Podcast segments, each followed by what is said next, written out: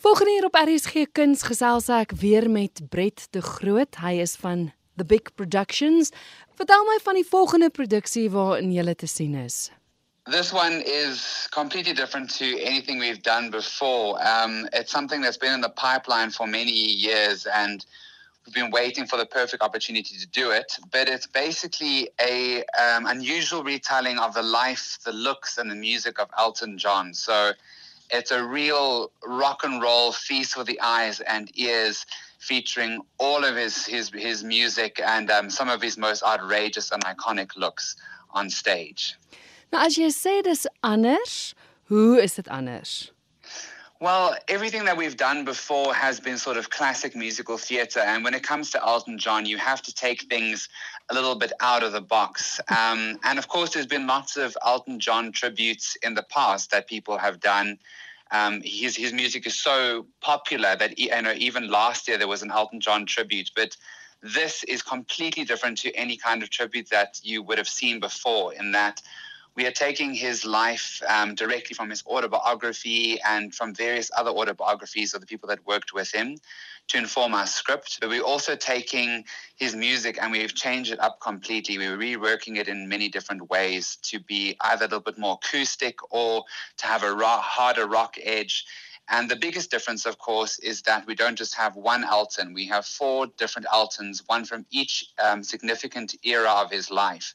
So from the 60s and 70s, uh, from his heyday era, then from the 80s, and of course, Noughties Elton that we all know and love that wrote Lion King and, and all the great film scores. So it's all extremely different aspects of his life performed in very different ways. And as we go through all those eras, we also explore his fashion, which is, of course, also very interesting as well. Oh, interessant. So wie is die vier Eltons? Wie vertolk die? We have we have a fantastic cast. I I I'm so excited for audiences to see the the musicians that are involved in this because we've taken people that are not necessarily often seen as either pianists or vocalists or uh, performers in general, but um, the casting process was very specific because I've always loved Elton John and I've loved performing his music. So, but I knew that I needed three other people to join me on stage um, to take up the mantle who would bring something completely different to what I was bringing. And um, we, when we were looking into who we're going to cast, they almost came to us in, in little bits and pieces. And the first is Daniel Keith Giddies, who um, performed in Avenue Q. He is often a musical director on shows. He was the creative director of NCT for a very long time.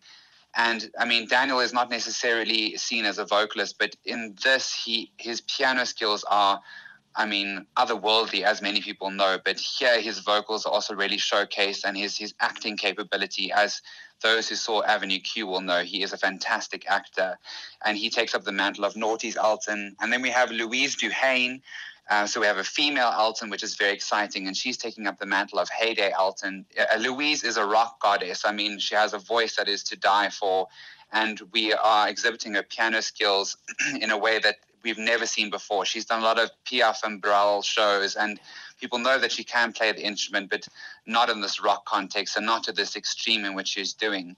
And then we have the most exciting cast member, which is Cole Matthews. Cole has been a bass player in various musicals for many years now.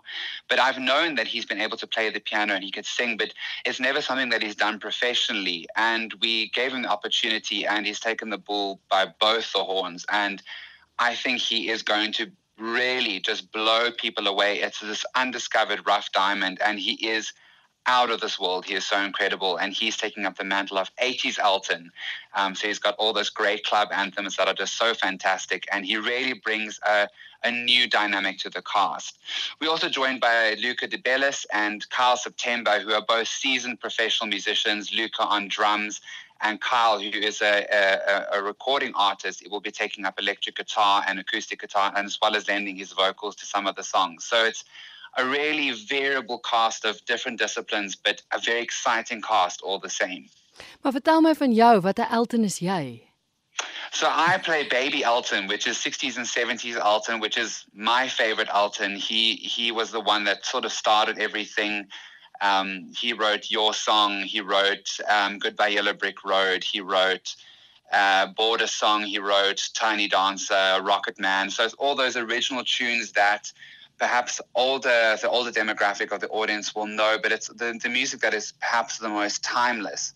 Um, so that was very exciting to play, but it was also the music that I grew up listening to. So it feels so almost natural to be ste- stepping into that.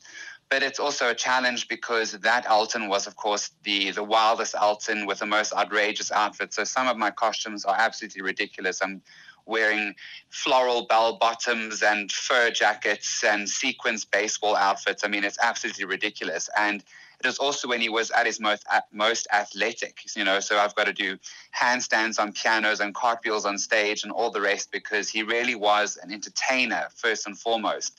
Um, so to embody that is a fantastic challenge because not only does your musicianship have to be of a high quality, but also your performance standard has to be very high. Ja. Die produksie se naam is Elton the Experience en dit klink my dis presies wat dit is. Jy gaan hom beleef soos nog nooit tevore nie. Exactly. You know, we wanted to bring that larger than life experience but to a theatre. He is used to playing stadiums, and and I don't think that South Africans will get the opportunity to see him perform live here again as he commences his farewell tour. So. For us, it was about bringing those those different eras and that that massive feeling of performance into these venues and using the venue to its fullest capacity, almost like a theater in the round, and completely incorporating the audience in that the costumes the music the performance style and just to to have live a, a completely um, just to let your hair down and to have a, a, complete party that's the whole feeling you know to have a positive night out to have a lot of fun and just to leave your worries at the door and enjoy this great music that everybody knows and loves. Vertel my van die teater waar tree julle op again, it's this fantastic opportunity that seemed to present itself. The Theatre Linden is a, a new performance space that has uh, it's only been open for about six months, and it's in its second phase of development now. It's an old um, church heritage building that is on the property of Doxa Deo in Linden, and um, this heritage building. Uh, it was just this beautiful opportunity to be revamped into a performance space. The acoustics are incredible, as most churches are um, and it's got a wonderful hexagon shape. So the audience sits almost right round the stage. Um, what's fantastic is the theatre is very intimate, but at the same time, you know, it's a fantastic performance venue. It seats about 250 people.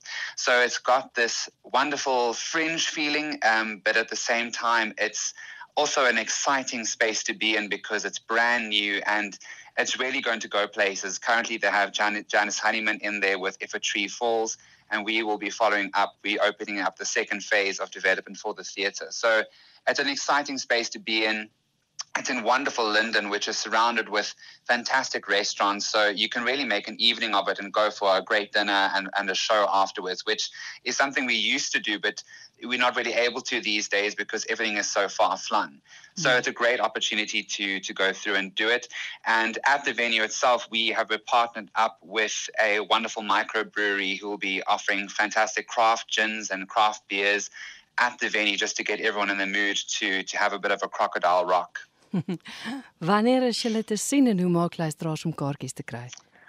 we are on stage on the 1st, 2nd, and 3rd of July um, at varying times. The best way to find out more information and to book your tickets is to go into www.quicket.co.za and you can just uh, search for Elton the Experience on the Quicket website.